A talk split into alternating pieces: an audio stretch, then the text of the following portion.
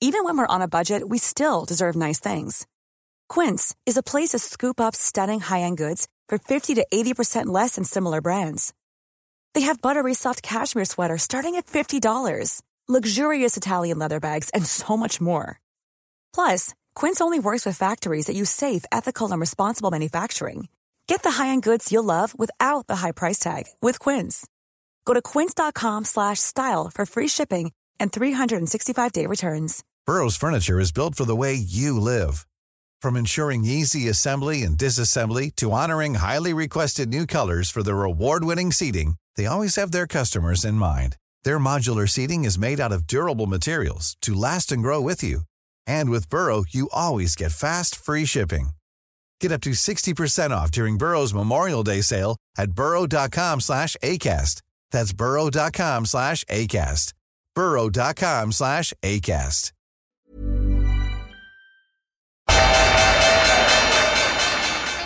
They mistook leverage for genius. Leverage for genius. I would recommend Japan. The governments don't rule the world. Goldman Sachs rules the world. Velkommen til en ny episode av podkasten Tid er penger, en podkast med Peter Warren. Jeg heter Sverre og er produsent, trykker på start- og stopp-knappen og av og til deltar litt i diskusjonen. I dag har vi en håndfull tema. Eh, Peter har en fantastisk gjennomgang av gassmarkedet og strømmarkedet. Vi ser på eh, nok en gang på reverse repo-markedet og kanskje begynner å endelig forstå litt hva som skjer. Og eh, litt sånn overordna tema er unknown unknowns, som er veldig viktig nå. Det vi, vet, det vi ikke vet at vi ikke vet. Snakker litt om hedgefond, frakt og diverse andre ting. Så jeg tror det blir eh, mye å, uh, å eventuelt uh, høre og lære om. Um, ellers så kan jeg promotere som alltid hjemmesida som vi lager rundt podkasten. www.tiderpenger.no.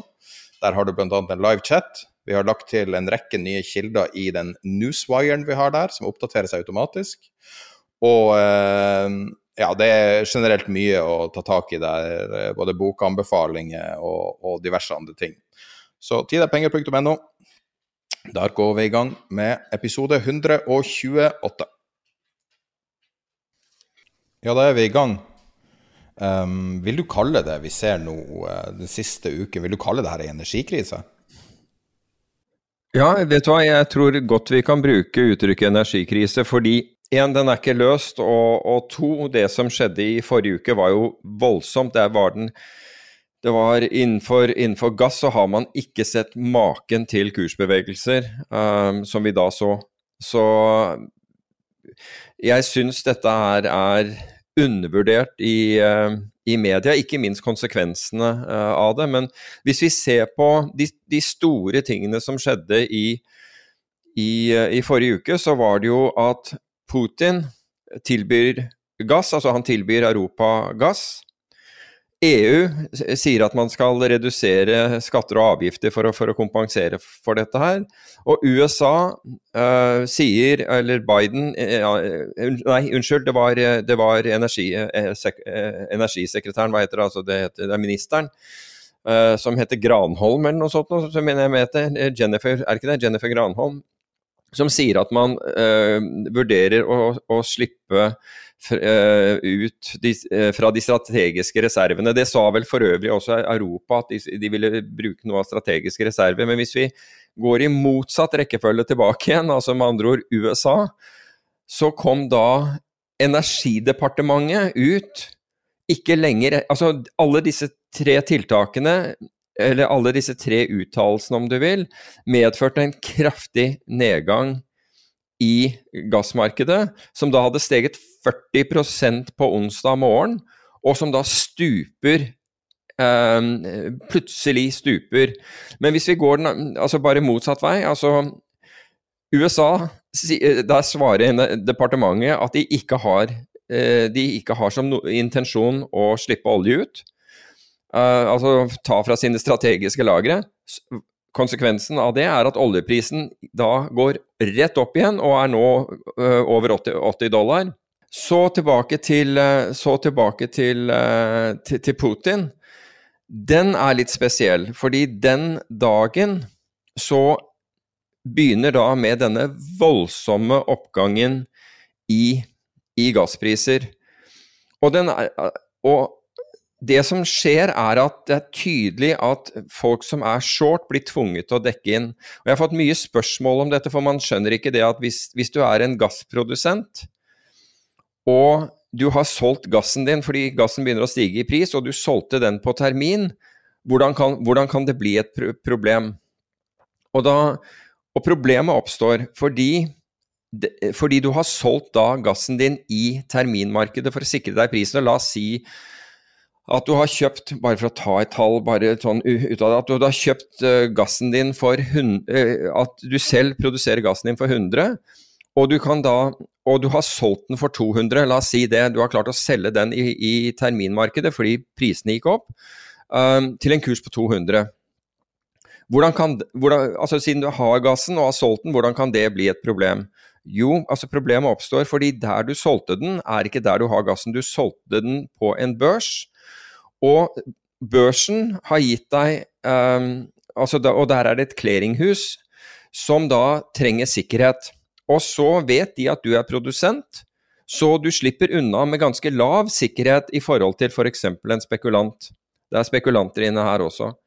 Men problemet er da, når gassprisen tar av, så blir det jo en sånn kredittrisikosituasjon. For hva om det da skjer noe med denne produsenten som gjør at de ikke kan levere?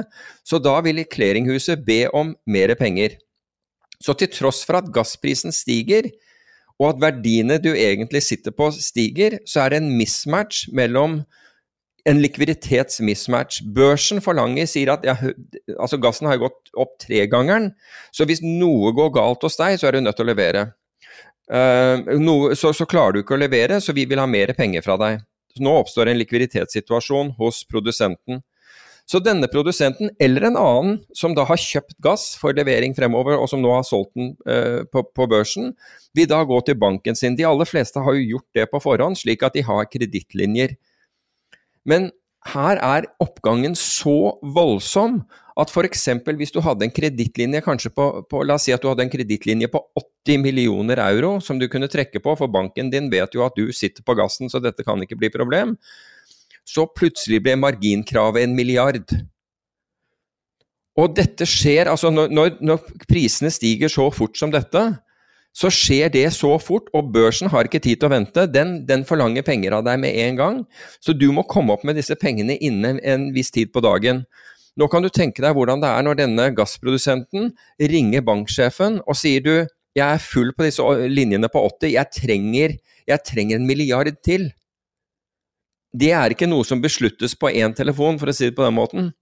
Det tar tid, fordi nå blir jo banken engstelig, fordi det, dette er såpass mye penger at de må gjøre sine undersøkelser, due diligence, og være helt 100% sikker på at det ikke er noe kredittrisiko med deg overhodet, altså som, som, produsent. Fordi dette går utover alle rammer ikke sant, til hva, hva enkelte kan gjøre. Og hva betyr det i tid? Jo, selv om alt var i orden, så, så rekker du det ikke på tid. Så konsekvensen her, og det var ikke bare produsenter, det var spekulanter. Og, og en, av, en, av, lytterne våre, uh, husker du hvem det var? For det er greit å nevne når man har, har kommet med noe. Nevner da uh, Erik Knopf. Hva sier du? Heter han.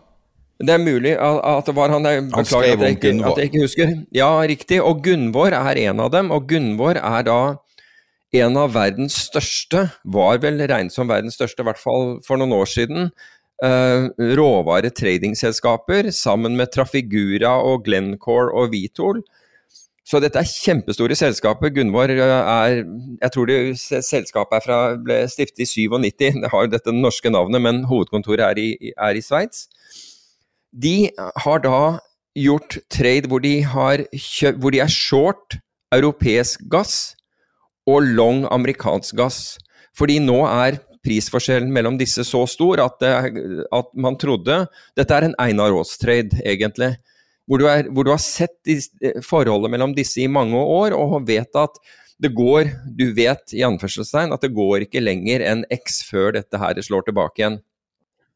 Jo, altså de er store i dette, men, det, men, men eh, altså, problemet gjelder ikke kun Gunvor. Dette her problemet er hos det er hos mange der ute som har, har, spekulert i dette, som mente at nå var gassen så høy at det var lukrativt å selge den, før den gikk opp mange hundre prosent til.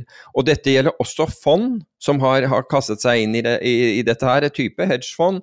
Men det gjelder en hel haug av aktører som sitter altså Nå leste vi at Equinor satt på den riktige siden, for de økte jo risikoen sin med å begynne i, fordi de er long gass i utgangspunktet. Og så spekulerte de i tillegg med å, med å kjøpe gass på, på termin. Så, så de, er, de, de, de, eh, er på riktig siden av, av denne handelen, mens, da, mens mange er på feil. Og, en av de tingene Gunvor har gjort, er å skrive kjøpsopsjoner. Ja, Da kan du tenke deg det i tillegg. Hvis du da har skrevet kjøpsopsjoner, dvs. Si utstedt kjøpsopsjoner De har en gigantisk short som kan gå uendelig mot dem. Ja, rett og slett. Du har uendelig risiko, og, og, altså, og, du, vet hva, og du vet maks hva du kan tjene, nemlig den premien du har solgt dette for. Fordi dette hadde aldri skjedd før. Gassprisen hadde aldri vært i nærheten av verken disse høydene eller den hastigheten som det, dette tok. Dette minner Så, litt om uh, når oljeprisen gikk i minus, var det vel i fjor? Uh, litt sånn det umulige ja, ble mulig. Når oljeprisen gikk ja, dette er gassmarkedets ekvivalent til den. Altså opplevelsen av det som har skjedd i gassmarkedet. Så, så klokken 10.29 på onsdag så, så, skjer det noe dramatisk. For da har, da har gassprisene den dagen steget ytterligere 40 i, i verdi. Jeg tror de steg 70 dagen før eller noe sånt, så det var helt voldsomt. Og det var panikkstemning helt opplagt for mange. og andre har gått over ende på, på base av dette. Ikke, det er bare ikke kommet ut ennå, men her, her, er det blod i gatene, garantert. Her, her kaster folk kortene og prøver å, å, redde livet økonomisk og finansielt. Klokken 10.29 skjer det noe merkelig, for da kommer det enormt mye Da begynner noen å selge. Og de selger på og selger på og selger på, og gassprisene drar, drar nedover.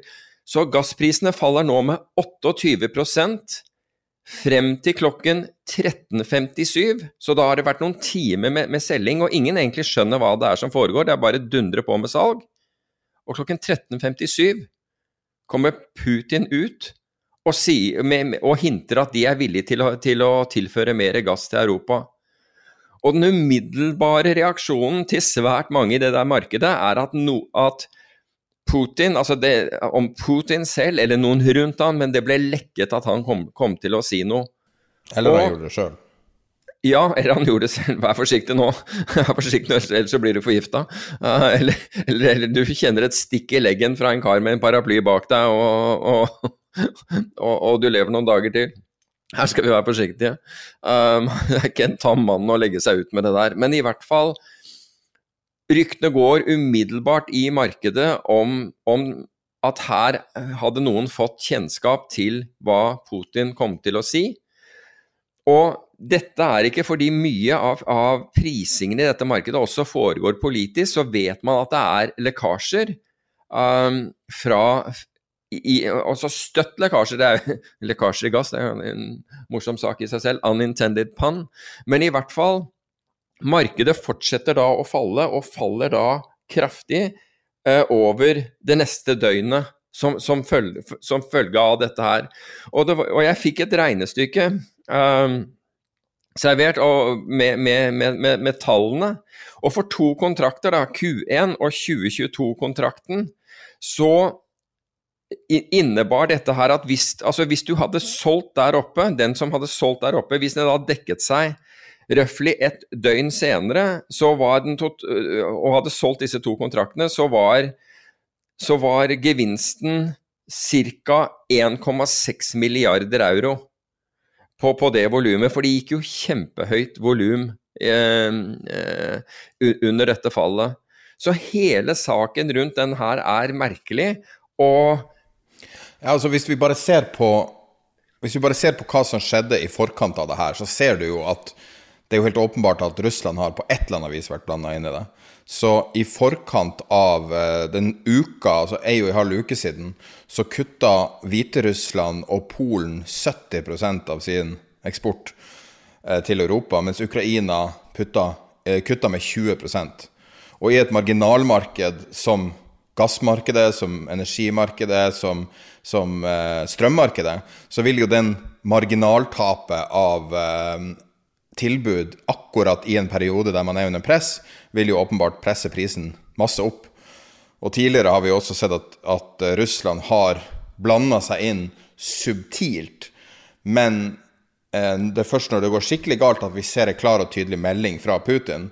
Eh, mm. Så eh, mitt syn er at de, de har ligget som gjedda i sivet og utnytter situasjonen. Ja, altså du kan si at dette, dette er, Du nevner jo Putin, og, og, er jo veldig viktig i dette. fordi det er jo også et politisk spill. Fordi Ukraina har jo klaget over altså Det, det går jo en, en, en, en, gassledning gjennom Ukraina til Europa, uh, og har da klaget over at Russland ikke har, uh, har holdt igjen på gassleveransen, fordi det uh, har økonom, negative økonomiske konsekvenser for Ukraina. Polen har også klaget på at Russland ikke har, har brukt den rørledningen, men Ukraina har, er jo blitt en i og med den konflikten som, som, er mellom Russland og Ukraina, så er jo det ganske betent.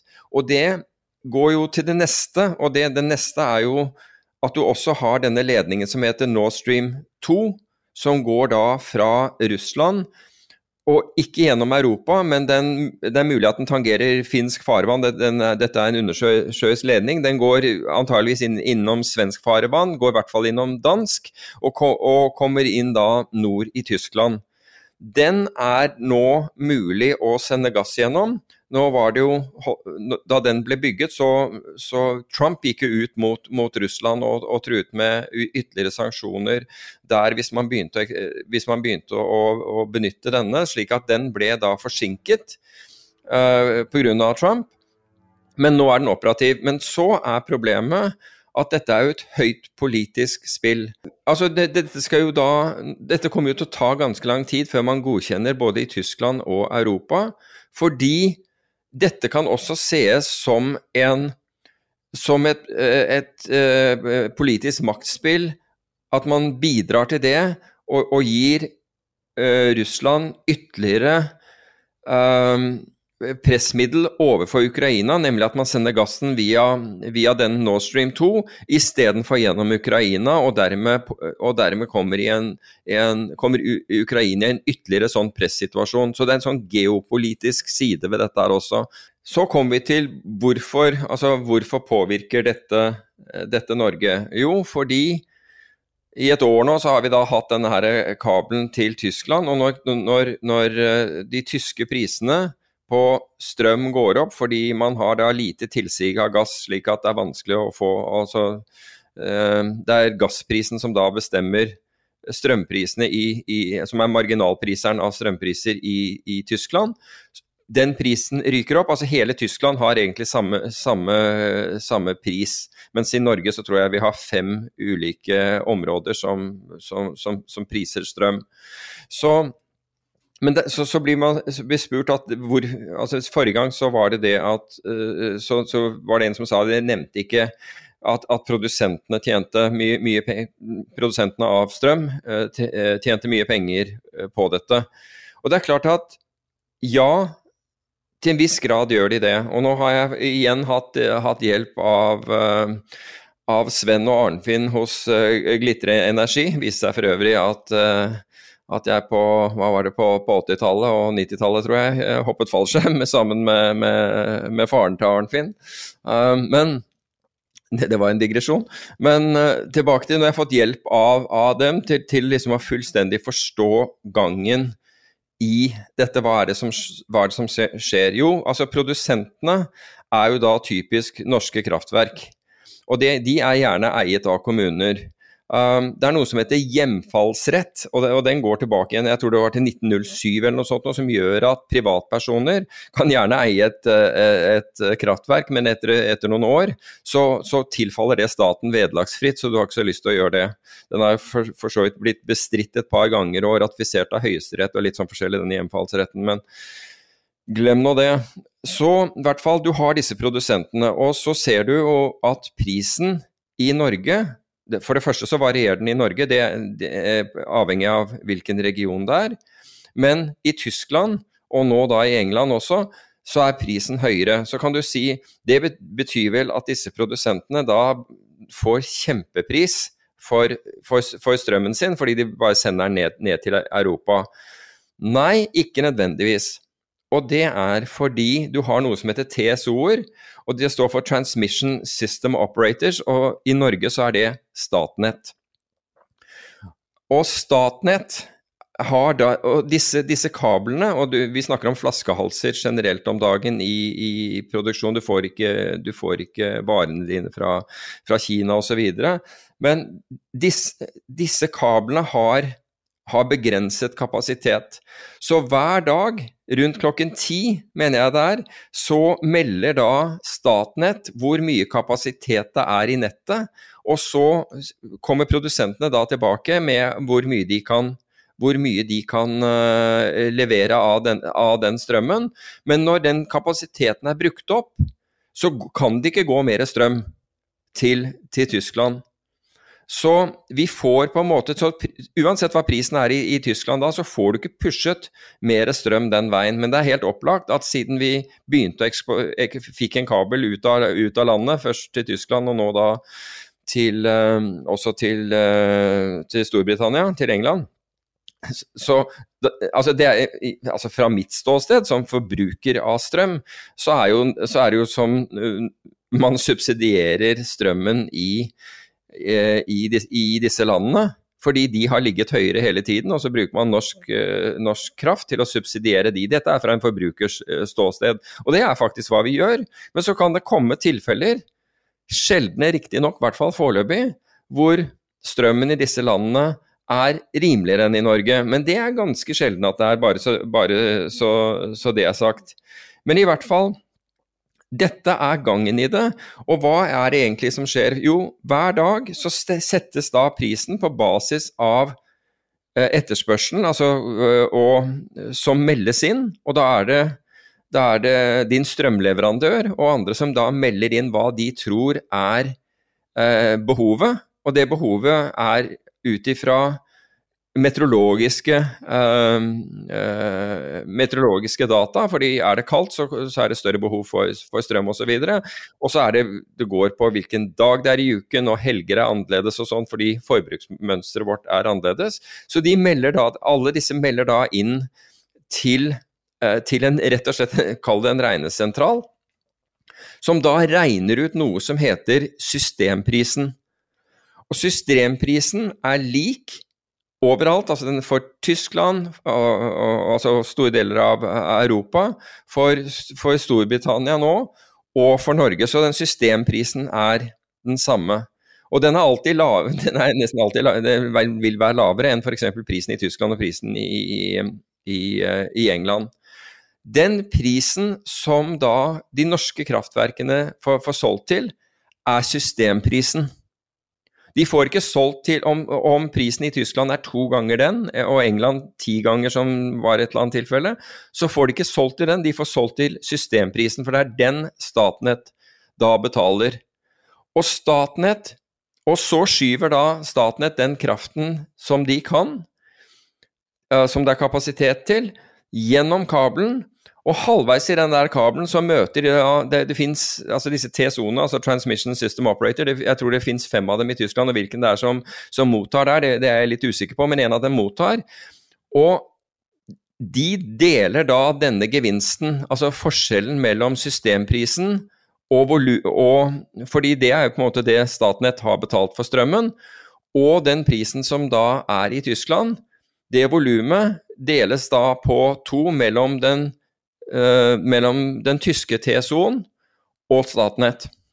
Så Statnett de, de, får, de, får, ganske godt betalt, for å, si det, for å, si det, på den måten. Men de har andre funksjoner også, fordi de må også holde reserver. For hvis f.eks. ditt strømselskap har meldt inn for lite, og behovet da er større, så finnes det da reserver hos Statnett som da kan flyttes til den, som, som de da betaler for. Um, slik at det, det, raskt kommer til dem, og, og, og uh, lyset slukkes ikke hos deg. Så det er en mengde sånne uh, mekanismer her. og det er også viktig å forstå da, når, når folk liksom sier at uh, er, altså Kraftverkene tjener godt på, på, på, høy strømpris, det er jo helt opplagt. I hvert fall hvis de har vannmengden som de kan bruke. Men er de tom for vann, så, så, så kan prisen være hva som helst. og de, de, altså Så høy som den bare gidder å være, men de vil ikke tjene noe mer uh, på det, bare så det er sagt. Men det er på en måte summen av dette, av dette eh, kraftmarkedet og hvordan dette, dette, fungerer. Så, og det er litt sånn viktig å forstå, det var i hvert fall viktig å forstå for meg, hva er det som skjer når uh, Hva er det som skjer med strømmen? Altså hvorfor? Men i dag morges, altså apropos Apropos uh, uh, det, dette med uh, ulike strømleverandører. Uh, og, og, hvem de mener har skylden for, for uh, prisoppgangen. Så klart det er Hafslund Energi, som, jeg, brukt, eh, som jeg, jeg, bruker på en, uh, på en, leilighet, holdt jeg på å si, altså, som ja, strømleverandøren til, til faktisk min mors leilighet. får jeg en, en tekstmelding fra dem hvor de sier at bl.a. pga. den kabelen til Tyskland, altså med andre ord at vi eksporterer, så, er, så vil strømprisen min være 1,78 eller noe sånt nå. Det er ganske interessant, mens Tibber har 1,30. Jeg bare nevner det. Jeg har ikke betalt av Tibber for å si det, men det bare Du er faktisk betalt av Tibber? Eller ikke i det her for å si det her, men denne episoden oh, har vi ja, ja, ja, det er, vi, det er helt riktig. Så uh, sånn sett. ok, beklager. Men, men Tiber har ikke For å si det på den måten, Tiber har ikke bedt meg om å si det. For, for, for han har ikke, har ikke influert det der annet enn en gjennom pris. Men det er helt klart at de som da Eh, skal selge deg strøm, altså i dette tilfellet Hafslund, bruker bruker det som årsak, nemlig at vi driver og eksporterer strøm, subsidierer, kaller jeg det, til, til Tyskland som, eh, som, årsak for hvorfor de, skal, eh, hvorfor de skal heve prisene sine mer. Så det er på en måte gangen i hele denne, i dette markedet. Det er en ting jeg tenker på litt når vi snakker om strøm og alle de her tingene her, som privatøkonomiting. Er ikke det litt sånn poenget med å ha EU og ha EØS-samarbeidet. Jeg føler litt sånn der at, at man uh, bruker ved behov og, og, gir ved mulighet, eller mulig jeg bommer litt nå. Uh, du, du, betaler etter evne og bruker etter behov. Og det er jo på en måte det som er grunnlaget for hele EU-samarbeidet og, og, den uh, fredelige perioden vi har hatt i Europa over lang, lang tid nå. Nettopp fordi at det fungerer. Men du så jo da i 2012, når det smalt med Hellas, så så du jo at med en gang begynte folk å stå tvil om EU, så tvil om samarbeidet, ville ikke betale for andre og sånn. Men hvem vet hva framtida bringer? ikke? Det, hvem vet om det kommer tørke? I Sør-Afrika var det tørke i tre år der det mer eller mindre ikke regna, og de gikk tom for vann. Og selv om Norge ligger et sted der det er mer enn nok vann, så vet man jo aldri hva framtida bringer. Man har um, man har subsidier til jordbruket for å ha matproduksjon fordi at enn hvis det blir krig, og du ikke rett og slett er mulig å frakte mat over grensen, så har du fortsatt noe mat, osv. Og, og, og jeg, jeg stusser litt på denne diskusjonen rundt at ja, det blir dyrere. Ja, åpenbart. Fordi at du, du blir en del av markedet. Men det du får tilbake igjen, er jo på den ene sida trygghet, på den andre sida så gir du solidaritet, og du, du gjør det mulig. fordi at det gjør det mulig for EU på en måte, eller EU-land å, å, klare seg gjennom en vanskelig periode som styrker alle, fordi at det her er jo et fellesskap. Jeg vet ikke. Ja, jeg, er ikke, jeg, er ikke, helt uenig med deg der, men nå er, det, nå er det slik at Norge topografisk sett og værmessig sett har en ganske stor fordel her. og en av de tingene er at altså, vi betaler ganske mye i dette landet i skatt, mer enn, enn veldig mange andre land. Og allikevel, så, så, nå vil vi da også få økte kostnader, betydelig økte kostnader, som følge av dette her. Mens de gangene vi har Det er veldig sjelden behovet har gått den andre veien. Ekstremt sjelden. Så men altså, se nå, nå har du 70 eh, prisøkning på naturgass ut av det blå, noe som aldri har skjedd før. Det er det. Eh, I, i, I, Texas så fryser hele deres system over, og plutselig har de eh, sin isolerte strømsituasjon der de er totalt skrudd. Fordi at man, man, har lukka seg om for omverdenen, for man vil ikke ha noe med andre å gjøre. Og så har du liksom du, du, har nevnt flere ganger Libanon, som er skrudd av strømmen. I Libanon så lå det masse, masse materiale på kaia som alle hadde glemt i Libanon, og så plutselig da eksploderer det på størrelse med ei lita atombombe. Altså, uforutsette ting skjer jo hele tida. Og eh, se på Europa, altså Europa denne uka, så er jo faktisk nesten ikke strøm den største nyheten. Kanskje den verste nyheten denne uka er jo Polexit. Polen har sår tvil om EU-medlemskap, og det er store demonstrasjoner. Så uforutsette ting skjer jo hele tida. Altså det som gjør det mer altså En av de tingene som gjør dette her vesentlig mer eh, komplisert, er jo den dreiningen, og nå sier jeg ikke at den er feil, bare så det er sagt, men den dreiningen fra fossilt brennstoff uh, til da strøm og vann og, og, og helst ikke helst ikke uh, kjernekraft, ikke sant? fordi man bygger ned kjernekraft. Det er jo den dreiningen. Og, har, og hvilken konsekvens har den? Den, umiddelbare konsekvensen, altså når vi gjør radikale grep, er jo at, uh, at det fossile brennstoffet har mye mindre volatilitet i, i, for, i, forhold til tilbud og etterspørsel, altså uh, tilførsel, kan du gjerne kalle det, i, i dette tilfellet, enn den enn de energikildene som vi nå legger eh, som vi nå legger oss på, eller som nå skal vi, vi skal konvertere til, nemlig eh, vannkraft og vindkraft og sol. Og det har også konsekvenser ved at vi altså Når vi da, når vi da gjør disse endringene og dette, dette, er vel tre uker siden jeg skrev en, en blogg om det, og det, og det er ikke ment som et, egentlig et innspill til miljødebatten, annet enn som enn en konsekvensanalyse. Da, at man faktisk tenker litt på hva er det vi utsetter oss for. Så hvis du, hvis du tar det til det geopolitiske, da, så, har, så, så, ut, så, er nå, så, er vi nå blitt mer avhengig, i den situasjonen vi er nå, av Russland. Var det tiltenkt? Neppe. For Russland er da den største eh, produsenten av, av, naturgass, eller er den som har mest na na naturgass i verden. Og pga. det er blitt da innsatsfaktoren, for vi ville ha bort kull. Og in ingenting galt med det. Og, og, og, vi ønsket da ikke, og vi ønsket å stenge kjernekraft. Så er vi da plutselig avhengig av noe som et annet land um, en annen forsvarsunion, om du vil, eller i hvert fall utenfor vår forsvarsunion, ha, sitter på. Og hvor smart er det i utgangspunktet? Ja, men jeg tenkte på det her. Husker du, De drev jo og forsøkte å få til en kollektiv avtale mellom Russland og eh, EU. Jeg lurer på om det var Donald Tusk som drev og promoterte den dealen i EU. Og da hadde jo EU stått sterkt som en slags fagforening mot bedriften. Og man hadde da ikke hatt en sånn svekka posisjon som man har nå. Så jeg tror det var et stort feilsteg, var å ikke møte Russland én til én, men heller da uh, at alle land må møte dem én av gangen, på en måte. At man har uh, avtaler som ikke er kollektivt forhandla. Og når det er sagt, så må man også ikke glemme at uh, det var Kina sitt miljøfokus som på en måte kanskje starta det her. Uh, det er ikke en politisk utsagn, det er bare et fakta. Sånn er det. Og, og det var jo det at de begynte å boikotte og importere australsk kull, som førte til økt etterspørsel etter europeisk gass fra Asia. Så det er i hvert fall en mulighet at det var uh, triggeren. Ja, men det var det var også provosert frem av at Australia hadde, eh, hadde kritisert Kina i forbindelse med, med, covid og ønsket en granskning av hvor dette kom. Så forholdet mellom Kina og Australia forverret seg veldig i den perioden. Jeg tror det vel Jeg tror det var mye politisk i det, for å si det på den måten.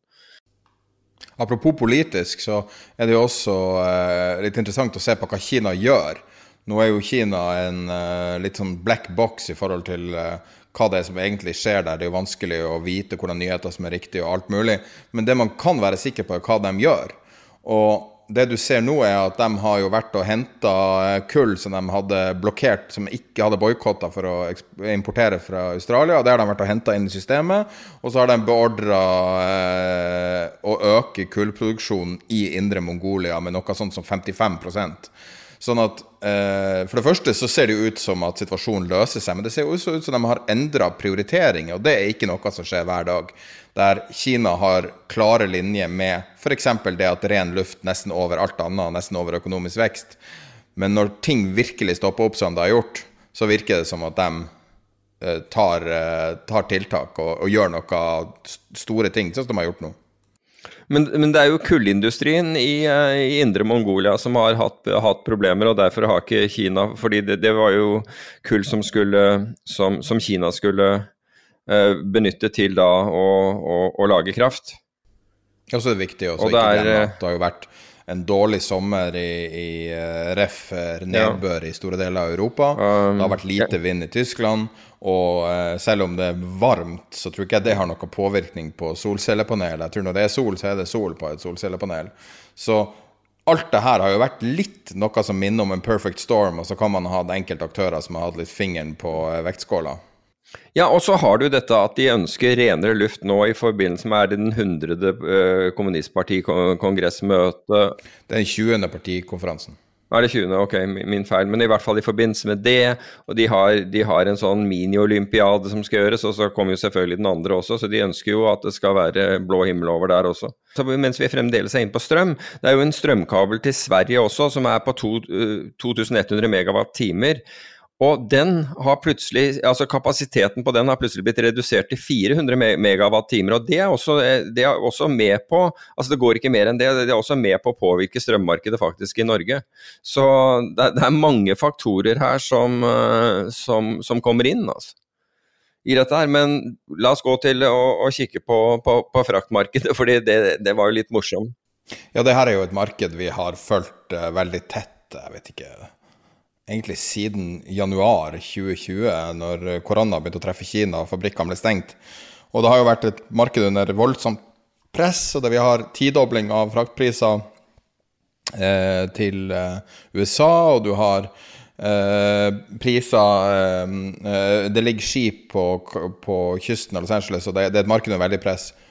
Og som vi sa i forkant, det vi trodde kunne skje, som var at det kunne komme noe magisk fra himmelen. Og det var forsida av tidsskriften Barons. Det sa vi i forrige episode, gå tilbake og høre på det.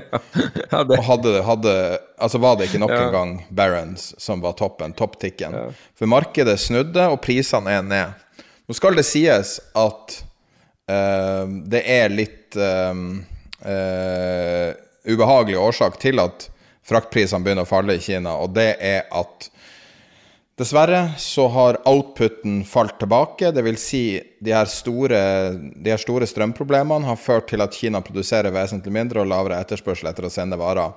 Så det er ikke bare gode nyheter, men det er definitivt et positivt tegn, og det må man ta med seg.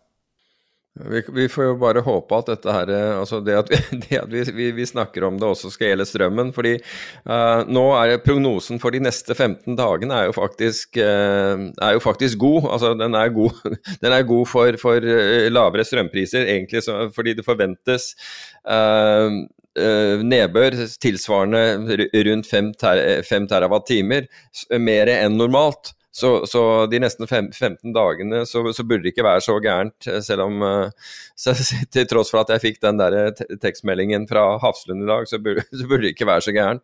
Men, men Så det er, det er, et lyspunkt. Men jeg tenkte bare jeg skulle bare dra gjennom prisfastsettelsen av, av strøm, hvordan det der foregår. Altså Jeg nevnte det at man meldte inn behov, ikke sant. Både behov og, og, og kapasitet. Altså med andre ord, det vil være det vil være kraftverkene.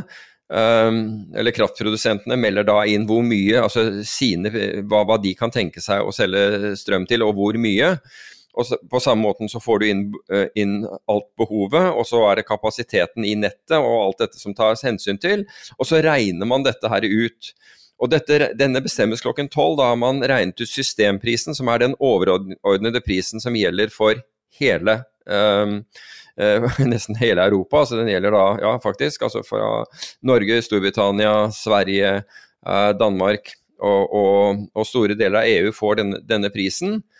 Og så regnes områdeprisen ut, og den områdeprisen vil jo være tilbud og etterspørsel i det, i det området, uh, kombinert med kapasiteten i nettet? Hvis du hadde full kapasitet i nettet, så ville områdeprisen være lik systemprisen, men det er den ofte ikke, fordi du har ikke den kapasiteten til å skyve så mye, så mye strøm dit. Og denne blir da, altså alt dette blir fastsatt klokken 12, og så er det vel 12.40, mener jeg, da uh, blir dette offentliggjort. Da, da får uh, disse som byr og tilbyr kraft beskjed om disse prisene. Og så 37 timer senere så, da, så må de levere denne strømmen. Da, da, går, da, går, lyset på, for å si det på den måten.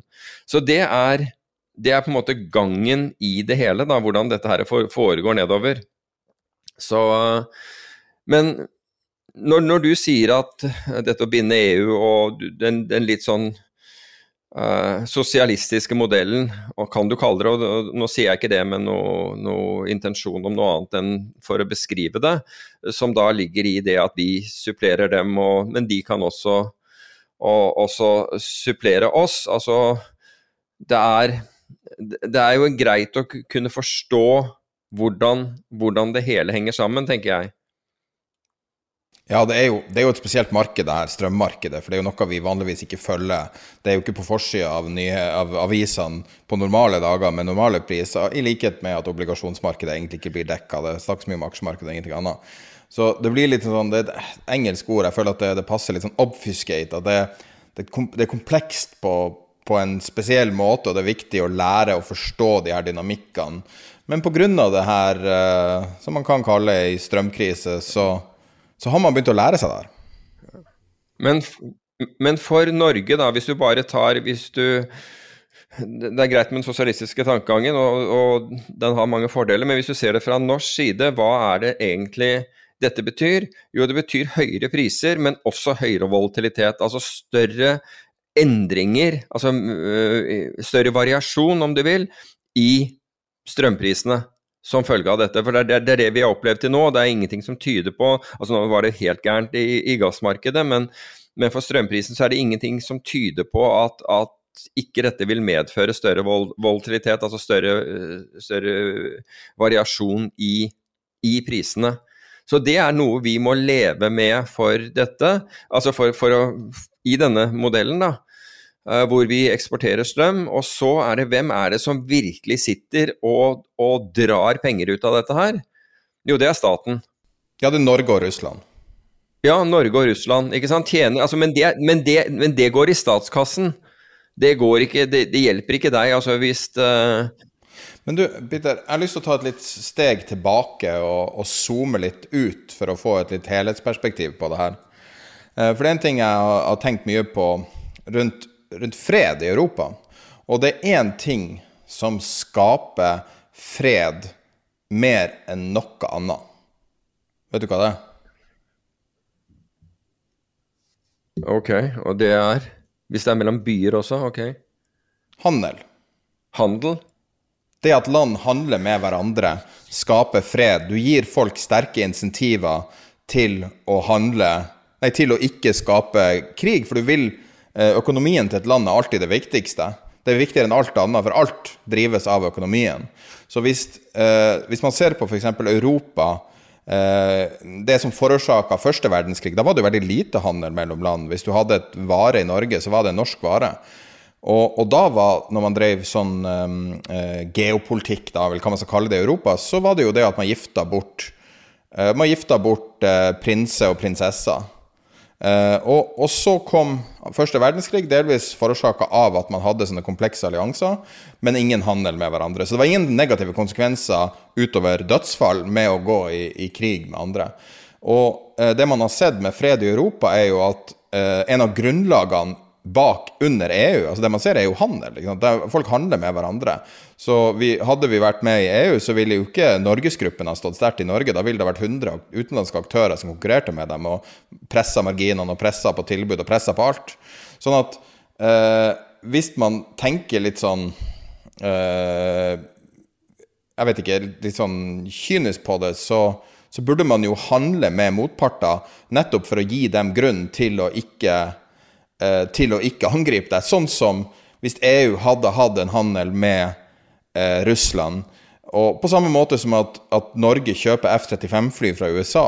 Altså De kjøper de F-35-flyene, kunne jo like gjerne kjøpt de svenske flyene, men det er vel sikkert en del av årsaken eh, at eh, de vil ha et godt handelsforhold med USA. Sånn som når man så under Trump at Nato sto mye svakere enn man tidligere har trodd. Men det som definitivt står sterkt, er handel. Og, og, det er noe som man alltid har sett har vært et, en hallmark med fred. Har vært handel mellom land. Du er kanskje inne på noe det der med, med handelen. Samtidig så, blir vi da, så, så gjør vi oss da kanskje avhengig av, uh, av godviljen til, uh, til, til, Russland. Det er ikke sikkert at det er det lureste heller. Og, og Men Putin vil jo bli avhengig av EU i en gjensidig avtale. Mm. Så ja. Ja.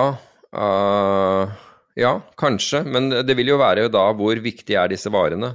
Ikke sant? Det er, det er jo en annen Nei, det, altså jeg, jeg, kjøper den at, at handel er, er, er, viktig. Og det er klart at det, altså relasjoner til, til, til naboer er, helt sikkert viktig. Kanskje kunne uh, gifta bort de prinsene og prinsessen i Norge, hva de heter. Har Putin noen unger? Jeg vet ikke. Jeg vet ikke.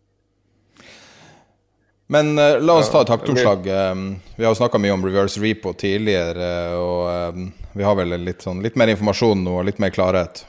Ja, altså nå har jo vi vært inne på reverse repo en del, men jeg snakket i, i forrige uke med en, med en i markedet, og og, og, vedkommende sier da til meg at at dette egentlig altså For vi har jo lurt på altså Vi har visst at det har vært veldig mye likviditet i markedet, og den likviditeten blir sendt til sentralbanken. Og min teori, og jeg, tror ikke at den er nødvendigvis gal, men jeg tror det er også en annen årsak, og den, og, og den, er enda mer logisk. Eh, min eh, teori rundt dette er at bankene, fordi det var altså Hvis de skulle ta imot alle disse pengene, så, så, økt, så ville det medføre økt kapitalkrav, slik at bankene sendte dette til sentralbanken isteden, og så fikk de da så fikk de da statsobligasjoner, eller stat, eh, statspapirer, som sikkerhet for det, og dermed så, så løste man et problem. Men denne forklaringen som da er blitt, er, er, er enda mer logisk å egentlig forklare hvorfor.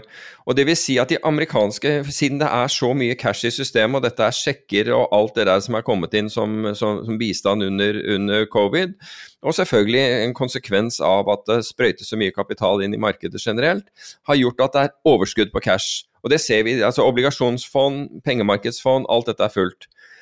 Det er så overskudd på cash at bankene betaler ikke eh, for innskudd. Så de altså, de vil, altså, hvis de betaler flatt, som er null, så får de.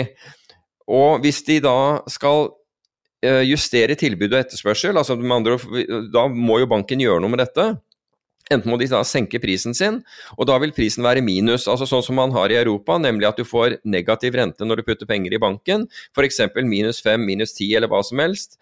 Uh, vi så jo tyske statsobligasjoner handle ned på over 44 Da vi snakket om det, 44 minuspunkter. Altså du, en, altså du måtte betale nesten en halv prosent i året i ti år når du kjøpte en, en tysk statsobligasjon. Um, da vil du få den negative. I USA så har de et, et, et, et uttrykk som heter 'breaking the buck'. Og amerikanske pengefond skal være sikre å putte pengene i. Du skal i hvert fall Altså, en, du har putter inn en dollar inn, så får du en dollar ut. Problemet her var at pengemarkedsfondet fikk så mye penger inn at de kunne ikke ta imot mer. Altså, da, da måtte de, da måtte de uh, da måtte de ha negative renter. Og det skal ikke skje, altså da, da, vil ikke innskyteren altså Hvis du har negative renter, så betalte du inn én dollar og fikk f.eks. 95 cent tilbake. Da har du broken the buck, the buck som en dollar. Og det er årsaken til, og jeg tror at det, er, at det er virkelig er eh, en, en, årsak til at sentralbanken da setter en rente som er fem opp, altså de tilbyr fem punkter. Så i forhold til det å levere til null eller bli tvunget til å, å godta negative renter, for det ønsker ikke sentralbanken, så, så setter sentralbanken en pris på overnight-penger på fem punkter, fem rentepunkter. Og fem rentepunkter altså De kunne sikkert gjort den til tre, hvorfor de har valgt fem, vet jeg ikke. Men det sikrer at du ikke får negative renter i USA, og at innskyterne i pengemarkedsfond får da the buck tilbake, ikke sant? Eh, muligens med noen punkter. Eh, men de får i hvert fall ikke negativ avkastning ved å, ved å ha puttet pengene inn i, inn i pengemarkedsfond.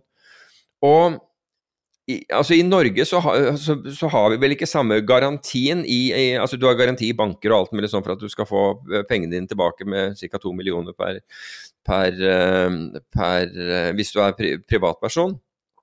Per, per, konto, eller per, per, konto per bank, tror jeg det er noe sånt. Men, men i hvert fall den, det reverse repo-systemet, og det er der, derfor det flommer inn penger til det, er rett og slett sentralbankens måte å styre at du ikke får negativ rente, og samtidig ikke får den der da breaking the buck som da vil gå utover alle disse pengemarkedsfondene.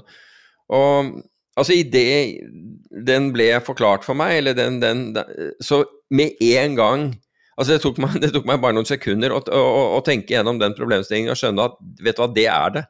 Det er en av, helt opplagt en av årsakene til at, uh, at, man gjør det på denne måten, at, at man attraherer penger på, på, på, denne måten, og at volumene blir så store som de blir. Så, det gir jo pengemarkedsfond og andre mulighet til å kjøpe ting i det korte bildet, eller gjøre noe med penger ja. i det korte bildet. Ja, ja, det er jo nettopp det. Det er at det er ja, sånn at, for du får jo en fallende etterspørsel pga. alle denne kvantitative lettelser ja. og hele den pakken. Det er jo akkurat i det korte bildet hvor sentralbanken har makt til å gjøre ting. ikke sant? Altså Lenger ut på kurven er da, da, er det helt andre tiltak som må til. og Nå har vi jo sett at lenger ut på kurven, altså tiåringen har jo hoppet i været. Og det samme har altså 30-åringen. Så, så, det har jo skjedd ganske mye der. altså Med andre ord, obligasjonene har falt i, i, i pris, mens renten har gått opp. Som er Det er vel den korteste delen av kurven at uh, sentralbanken er å manipulere? Ja, fram til to. Ja altså, de, ja, altså, Går du lenger ut, så blir det jo Twist og alle disse andre type uh, operasjonene som en sentralbank kan gjøre, da. Men det vi så gjennom september og også sett i oktober, det er jo fall i, i Eller eh, stigning, de, stigning i de lange rentene. At de lange rentene har gått opp. Og, og det, si, speilbildet av det, altså den følgende av det, er jo at, de, at uh, obligasjonene, tiårsobligasjoner og, og 30-årsobligasjonen faller i verdi. Det er en konsekvens av at renten går opp. Det er speilbildet av renten, rett og slett. Så du, eh, når du sier det, så jeg så, hørte på en podkast som jeg blir å linke til i nyhetsbrevet som går ut i dag. Um, siste, en av de siste episodene fra Oddlot fra Bloomberg. Og de har vært veldig dyktige på uh, ting rundt uh, reverse repo og de her veldig tekniske sentralbanktingene. Og de hadde et intervju med en som jobba i New York Fed, uh, i likhet med en som vi snakker om ofte, som heter Soltan. Uh, Sultan Posnar. Og um, de to har gjort mye for å på en måte avdekke det som skjer i den uh, amerikanske sentralbanken, spesifikt New York Fed. Og det som er så sjokkerende, er hva de sier som skjer i uh, systemet der. Det ene er at det er en monokultur. At sånn som man har trodd det at har en absolutt, sentralbanksjefen har en absolutt makt, virker å være sant ut fra det de sier. Men det er også det at folk som da har eh, veldig begrensa erfaring, eller ingen erfaring, har utrolig mye makt. Sånn som lederen for desken i pengemarkedet i New York Fed har aldri jobba i pengemarkedet, vet, altså har ingen direkte erfaring med pengemarkedet. Og han sitter med en helt usannsynlig eh, stor makt. Og eh, det får meg litt til å tenke på eh, det begrepet 'unknown unknowns'. Eh, nå, eh, nå, har jo vi, det dukka opp mange ganger, den talen fra Don Rumsfeldt, som vi har omtalt mange ganger uh, om, om, hva det er som er viktig. Og det spesielt skummelt er det du ikke vet at du ikke vet. Og hvis du da tar Kina og sentralbanken, to veldig veldig viktige ting så en, På den ene siden så har du sentralbanken som kanskje har vesentlig mindre kompetanse enn det man tror, ut ifra det folk som jobber der, eller har jobba der, sier. Eh, at folk faktisk har faktisk ikke vet noe om krypto selv i dag. Altså, det var det, nå, nå sier jeg bare det han sa. The Fed Guy, kaller han på Twitter. Og eh, hvis du Eh, er i den situasjonen av at Fed faktisk, når de gjør dumme ting, så er det fordi at de rett og slett ikke vet bedre. Og så har du Kina, der eh, jeg prøver å lære meg om Kina og finne nye kilder og alt sånt. Og en veldig omstridt kilde snakker nylig om uh, attentatmuligheter, uh, attentatforsøk mot Xi Jinping, og at den reelle makta i Kina ligger hos helt andre folk enn du tror. og Presidenter som er to-tre hakk bak i tid. altså Det blir som om Clinton sitter og bestemmer alt i USA bak forhenget. Og Om det stemmer eller ikke, er helt umulig å si, fordi at Kina er sånn, litt sånn black box. Men det å tenke på ting litt sånn unknown unknowns, og, og, være bevisst på det, tror jeg er veldig viktig. Og, og kanskje, at, uh, kanskje, at, sentralbanken bare rett og slett ikke er så kapabel som vi antar at de er. Jeg tror det er mange unknown unknowns der ute, og det er jo det som uh, Nasim Taleb tok opp med, med i, i, den boken 'Svarte uh, sort svane', eller 'Black Swan'. Um, og, og, det bare forteller deg at når du skal sikre deg mot noe, så, så gjelder det å, å, å, tenke litt stort på det, ikke bare prøve å sikre deg mot én enkelt ting eller én enkelt faktor, i, altså være seg gasspriser eller noe annet, ikke sant, hvor, hvor uh, Nå var det jo slik at gassprisene steg så mye at det tvang folk til å måtte kjøpe og dekke inn og, og Altså, vet, vet, du at gassprisene kom til et nivå som tilsvarte en oljepris på 200 dollar fatet? Altså det var så ikke sant? Det er jo, Mens oljeprisen da på det tidspunktet var under 80, altså det er jo, eller ca. 80 for, for, for, brent. da. Men det er jo helt voldsomt. ikke sant? Det, det som skjedde, det var utenfor Altså Snakk om unknown unknowns i forhold til da folk i Gunvor og folk i, i kraftmarkedet og, for, og, folk i gassmarkedet og oljemarkedet generelt. Dette er utenfor liksom deres eh, det, det, de ser på. Og jeg så Bank America, som, som du var snill å sende meg en rapport fra, også si at at eh, var det i forrige uke, og dette var i aksjemarkedet, men, det, men her er jo alt relativt, fordi du måler nå aksjemarkedets svingninger ut ifra ut ifra de svingningene det har hatt i det siste. ikke sant? Altså Hvis du hadde tatt svingningene som, som var i fjor, så der var det større svingninger, og generelt har det vært. Men da, påpekte man, jeg tror at man, vi hadde hatt tre Eh, tre tilfeller av tre standardavvik. Altså det skal skje i mindre enn én av 100 tilfeller. Det hadde, det hadde, vært tre sånne tilfeller i løpet av én uke. Altså utslag. Um, og så kan man si at ja, men det er jo fordi vi, vi, svinger så lite. Ja, det er jo fordi vi svinger så lite, men Eller har svingt så lite i det siste. Men, det også, men den på Altså, hvorfor betyr det noe? Jo, fordi siden det har svingt så lite, så tar vi veldig mye mer risiko. Altså vi, vi girer porteføljen mye, mye høyere i dag enn det vi gjorde f.eks. For, for fem år siden. Og dermed så får det konsekvenser. Og ifølge uh, Bank America så har, sine kvanter, så sa de at når du hadde én sånn bevegelse, så var det, så var det buy on dips. Det var liksom det, da viste historien at hvis du hvis du liksom brukte den til å kjøpe, så tjente du x uh, antall måneder eller måneder frem i tid. Når du hadde tre, derimot, så var oddsene definitivt mot deg. Så de begynte jo da uh, å, å, snakke om sikringsforretninger og, og, konsentrere seg om det i forrige uke. Ja, det har vært eh, to år med mye unknown unknowns fra covid til eh, Kina shutdown til eh, nå, alle de problemene vi har nå. Men du, kan ikke vi snakke litt om hedgefond? Eh, det er jo mange som har måtte, blitt offer for den volatiliteten som, som, vi har sett nå. Og det har jo vært forskjellig avkastning både i fjor og i år. Ja, det var jo da e, det var jo et utenlandsk hedgefond som tapte 130 millioner dollar, og det er før, denne, den, før forrige uke, og som fikk overskrifter med det. Men samtidig, pga. at, at nå skal alt dreies til grønt, ikke sant? Fordi det er, det, er, bli, det er, jo det vi skal gjøre. Så har jo da mange av selskapene i oljesektoren, altså i den fossile brennstoff, den du aldri skal touche, liksom type se sektoren, dette i, eh, i anførselstegn, de har blitt ekstremt billige i forhold til inntjeningen deres. Og hvem er det som har oppdaget det? Ikke sant? Og det er bl.a. hedgefondene, som sier at ok, her er det så billig at økonomisk så bør vi bør vi ta posisjoner i, i, disse. Og Hvis du ser det i forhold Jeg, jeg kikket på et storebrannfond eh, som da investerer i fornybar energi, og jeg tror det var ned 16 eller 17% i år, mens børsen er opp ca. 20 eller rundt 19, da, eller et eller annet sånt. Det er jo enorm forskjell. Enorm. Og det betyr jo at det, at the end of the day, uansett hvem du er, om du er en pensjonskasse eller en privat investor, så ønsker du jo positiv avkastning på pengene dine. Og så er det Mens det er liksom på den ene siden. På den andre siden så blir du bedt om, å, bedt om å investere i grønt.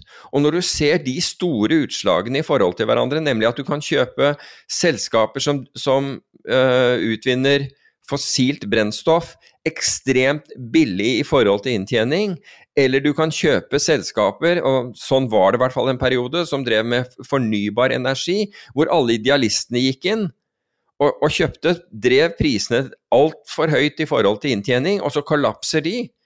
Så er det jo da, Som forvalter så kan du tenke deg, hva, hva er egentlig jobben min her? Er den å, å være grønn og lære meg den MDG-dansen, eller skal jeg eller er det avkastning til pensjonskassene og alle de som har, har gitt, meg, eh, gitt, meg, tillit med å gi meg pengene? Og det Det er alltid artig når jeg kan bruke utdannelsen. Jeg tror det ordet vi tenker ja. på, stakeholders. Og uh, stakeholders er jo alle som har kobling til deg, om du er en bedrift eller forvalter eller hva som helst. Og uh, amerikanerne har jo litt sånn overforenkla syn på å drive selskap der det er kun profiten som teller, og det er jo på en måte nesten sånn mantra i samfunnet. Men i realiteten så har du jo aksjonærene, og du har folkene, og du har alle mulige slags folk som har tilknytning til deg og, og din geskjeft. Ja, altså jeg vet jo hvordan det er å ha stakeholders med, med, med, mange meninger, og det er ikke lett å være forvalter nødvendigvis i det. Og, og, de forvalterne som er smarte i forhold til det, de låser jo opp penger. Men ut av dette da, så, jo, så, så, så vi jo bl.a. at hvis du ser på rankingen av uh, av, av hedgefond, så har du bl.a. Crispin Audi, sant, som er opp over 60% i år. Du har det beste norske fondet og er opp ca. 35, og du har liksom flere, flere fond nå som, som, ligger, altså i hvert fall i utlandet, er, er opp over 50, 50% og du kan si at Hvis du har vært på motsatt side av dette som det der fondet som tapte 130 millioner dollar, da, da, begynner ting å gjøre vondt. Så spørsmålet vil være for investorene er hvor, hvor, viktig er avkastning for deg i forhold til å si at du er grønn. ikke sant? Egentlig, Vi ønsker jo å være grønne alle sammen, men samtidig så trenger du en avkastning hvis du skal, ha, hvis du skal få noe i pensjon så trenger du faktisk avkastning. Så hvordan skal, skal dette gjøres? Altså Det som du kan overlate det til f.eks. myndighetene, som da reduserer f.eks. oljeleting og alt mulig sånn, og da er du med på, på det, det, grønne. Men skal det unnta deg fra å investere f.eks. i oljeselskaper som, som er der i øyeblikket, og som er ekstremt billige i forhold til inntjening, burde du da ikke investere i de? Altså, da, da, tar du på en måte litt dobbelt opp, fordi du vet at du, du sitter i et land som har tenkt å som, som gradvis blir grønnere og gjør alt det de kan for å bli grønnere. Men skal du da ta også ansvaret utover det ved å si at nei, jeg, jeg, investerer kun i selskaper som er veldig høyt priset og som skal være med i det grønne?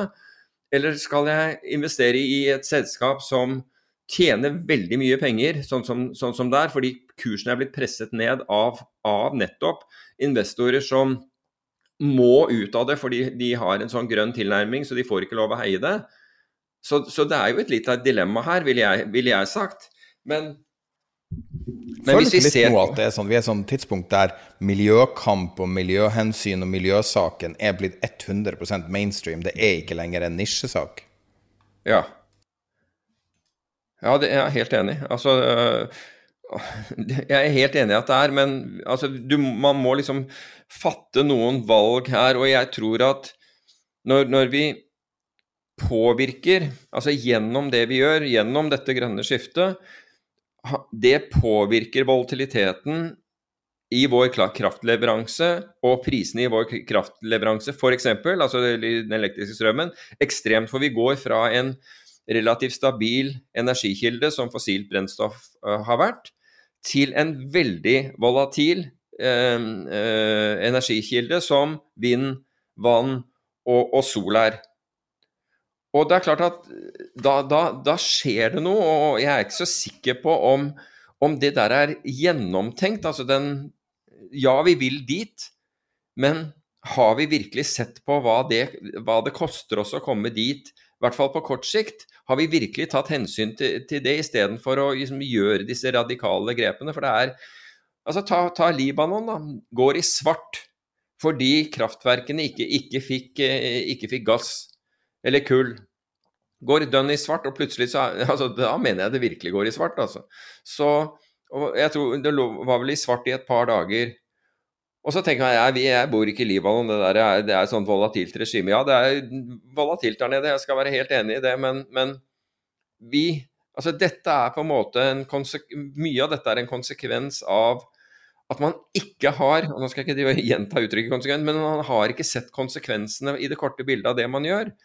Og det må på en måte opp Jeg føler at det der må opp i debatten fordi, fordi det påvirker det, altså, Nå vi fikk vi inflasjonstall i dag på 4,1% Det er høyt. Det er høyere enn det man trodde. Og så blir man overrasket over det, mens alle som har på en måte sett og fulgt med i Siden, uh, siden kraft er, er en, eller elektrisitet er en del av det. Man har fulgt med i dette her, og så blir man overrasket og, og at det blir høyere. Altså, Hvorfor er forventningen skrudd opp? Hvorfor ha, og vi, vi, vi, feirer jo på en måte at børsen er jo bare noen prosent eller noe sånt noe fra all time high. Samtidig ser vi at en viktig innsatsfaktor, nemlig energi, i alle ledd, altså olje, gass, elektrisk strøm, uansett hva du, hva, hva du, bruker, har steget vesentlig i, vesentlig i pris, som betyr økte kostnader for disse bedriftene. Og så tenker man hvor, Altså, vi, vi, feirer jo dette som om disse økte kostnadene det kan de bare spre ut på forbrukerne, og forbrukerne vil, vil, vil, kjøpe like mange produkter. Vil de det? Når prisene på alt rundt oss går opp, vil forbrukeren godta det, eller vil forbrukeren si vet du hva, dette er for dyrt, jeg kjøper et synonympreparat, eller jeg står over? Og hvis man gjør det, så er jo effekten på disse bedriftene at etterspørselen etter deres varer går ned, og vil si at inntjeningen deres går ned. Men på meg så virker det som det er to separate ting folk følger. Altså, man ser på energiprisene stige, men man tenker ikke konsekvensen lenger enn at å, nå, går, nå kommer strømregningen min til å gå opp. Det er ikke bare det som går opp, kjære. Går, alt andre kommer til å stige. Er det jeg som er kjære? I, i det tilfellet. Men liksom, det vil, vil liksom Alt vil, vil, vil stige i, uh, i pris som, som, som, følge av dette her. Så Det får meg litt til å tenke på mitt favorittsitat, som er fra en fiktiv imam i TV-serien Oss, uh, som handler om et fengsel i USA fra 90-tallet. Anbefales hvis du kan se det. Uh, og, og, der sier han, som heter Karim Saeed, sier If faith ja. was easy, everybody would believe. Og det syns jeg er en veldig fin oppsummering av mye. fordi at det, altså Vi snakker mye om miljøsaken her, vi snakker om eh, eh, liksom hvordan man, man, klarer å ofre noe. Men, men, det er jo det nettopp poenget at for å komme til neste nivå, så må det gjøre vondt. Det må være noe negativt for å få noe positivt. Og, altså, mm. Snakk med en hvilken som helst uh, tenåring eller barn eller noe, og spør hva de bryr seg om. Jeg vil vite at 80-90% svarer miljø. Og man kan jo selvfølgelig si noe indoktrinering og ditt og datt, men miljøsaken er, er en sånn generasjonssak, eller kanskje hundreårssak. Det er jo det viktigste vi har. Altså, det er jo uten tvil, når folk nå har kjent været og kjent problemene på huden og kjent alle de her veldig høyst reelle konsekvensene av verden i dag på huden, så eh, har det forandra seg. Og, og miljøsaken har blitt noe som absolutt alle politiske partier bryr seg om, noe som folk snakker om daglig på, mellom hverandre. Og, og, det er blitt en, en selvfølgelig sak, på linje med f.eks. arbeidsledighet, vil jeg si. Mens tidligere har det vært forbeholdt små nisjer. Um, så ser, men så ser du jo alle de ustabilitetene i verden også. USA er jo i praksis i en kald borgerkrig. altså Det er jo helt absurd når du setter deg inn i det. sånn at Du har de her enorme skiftene som skjer akkurat nå. Og eh, om, eh, altså, om, om Pax Americana er ferdig, det kan man jo sikkert diskutere. Men eh, det som er viktig i verden, ser ut til å forandre seg. Og, og, um, ja. og det kommer ikke til å gå tilbake til sånn det var. Mitt syn. Ja, altså når vi, når vi, ser på altså Bare tilbake til det der altså Nå er jo det større avstand, føler jeg, mellom, mellom, avkastningene på mange fond enn det vi har sett på lenge. Nå skal det sies at 15 av 18, mener jeg det er, eh, norske hedgefond er oppe i år. Og det er bra. Og nå hadde Sektor Zen tror jeg eh, smalt tilbake igjen, og dette er det, det fondet som da investerer i, eh, i, i, i, Japan og har gjort det veldig bra over en tid, men har, har slitt en periode nå. Um, de var opp nå sånn som 4,7. Mens et fond som ikke kom på, kom på, listen der, men som er norsk og som har drevet og presentert seg en del i, i Norge nå, altså, som er Svelland, var opp over 14 i, eh, i september. Og de, de har nettopp sett disse energiubalansene. Der er jo folk som omtrent ja, De aller fleste som har jobbet der, har jobbet, har jobbet i investeringsbanker og for Glencore, Trafigura, og den type, type selskaper før. Men så, så, vi ser ganske store forskjeller her, da. Og Vi ser bl.a. at det fondet som har gjort det best i år i, i Norden, som, som jeg, jeg, er ikke sikker om det er dansk eller svensk, det er, det er opp nesten 39% mens et annet fond er, eh, som er, er, ned 30 Så enorm forskjell mellom liksom den, den, beste og, og, om du vil, den dårligste. Og jeg blir jo litt sånn der engstelig når jeg ser at Shepherd, som er, som er svensk og som driver da innenfor kraft, de, var, de, er ned 9,4. Det gjør meg litt sånn når jeg tenker på at de er ned i dette, dette markedet. Hvordan de, har de klart seg akkurat nå i det siste? Men det er mulig at de klarer å, å snu seg rundt fort, da. Men uh, men jeg har lagt med en, um, et charter som viser året under ett nå, når vi er kommet ganske langt ut i året, fra, fra Goldman, som viser veldig klart og tydelig egentlig hva som har skjedd. Det ligger på regnearket. Um, det går jo også ut på nyhetsbrevet. Og, og, og det chartet viser da, ikke overraskende, at energi er årets sterkeste sektor, tett fulgt av bitcoin. Uh, nå har du um, obligasjoner er ned, gull er ned. Og hedgefond er veldig marginalt opp. Og min intuitive reaksjon var at du får ikke så godt betalt for å være smart, altså ha smarte strategier. Ja, bortsett, bortsett, fra de, de hedgefond som vi snakket om, som, som, som, er da innenfor energi og olje, ikke sant, som da i, i tilfelle OD som er opp over 60% og det norske Uh, Oslo Asset Management, som, som, bruker AAM som akronym, uh, jeg vet at det ikke helt stemmer, men de er, de er opp nesten 40 og, men Nå har jeg ikke sett uh, septemberresultatene for dem, men de var opp 37% Men på den, den, på den oversikten som, som, du skal da vise til, til lytterne i nyhetsbrevet, så ser du jo igjen er det bitcoin way up there, og det er antageligvis den hvis, hvis investor som hører på det, jeg, jeg, hører på oss nå, og jeg tror ja, kanskje at vi er overrepresentert i forhold til investorer som faktisk har en eller annen kryptovaluta i sin, sin portefølje. Um, så, men generelt sett så er det jo nettopp det som de aller færreste har. Og olje, det samme, ikke sant. For det er greit, vi bor i Norge, men vi har nå blitt liksom Veldig, veldig mange fond har da ikke kunnet investere i olje fordi det er fossilt brennstoff og, og, og passer ikke med, med, med, det grønne. Så, det er, så olje, bitcoin og energi er på topp. Og deretter kommer financials, og de tjener jo penger for altså Financials det er jo banker, meglerhus og den type ting, som da tjener voldsomt med, med penger for, fordi det er mye emisjoner, og, og, det gjelder også energisektoren og andre ting, men de, men de tjener godt på, på å, å hjelpe selskaper å komme på børs og tjener voldsomt på, på det. Og, og, nå, ikke minst, da, hvor, uh, hvor, Norges Bank setter opp renten. DNB, som vi nevnte, var vel den første som gikk ut der, og som da ikke har tenkt å sette opp innskuddsrenten tilsvarende. Så med en gang så sier de nå kommer vi til å ta mer penger av det, vi kommer til å øke rentemarginen. Praktisk å være eid av staten. Jeg tenker at Kontrollert av staten også. Ja, ikke sant. Det er da det er virkelig behov for S-banken. Ja. Men du, Peter, vi tar og avrunder nå. Har du noen ting på hjertet? Ok, jeg vet ikke hva vi skal um... Å ja, altså det, Kan jeg ta ukens sitat? Hvis det tar mindre enn ett minutt, ja. Ok, ingen Dette var Bor Boris Johnson som sa ingen, ingen grunn til panikk. Og det, det gjaldt jo dette med, med, med, med tilgangen til drivstoff, som gjorde Som tvert utløste panikk. Jeg syns den var så bra. Det var jo umiddelbart. Idet han sa det, så tenkte alle Oh shit, er det virkelig så dårlig? Og da var det bare å få Ja, da måtte du bare stille deg i bensinkø, altså tvert. Så den var bra.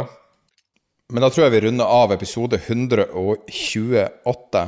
Nå er det noen sekunder til min hard out her. Har du noen uh, siste ord til eh, Boris Johnson, eller Peter?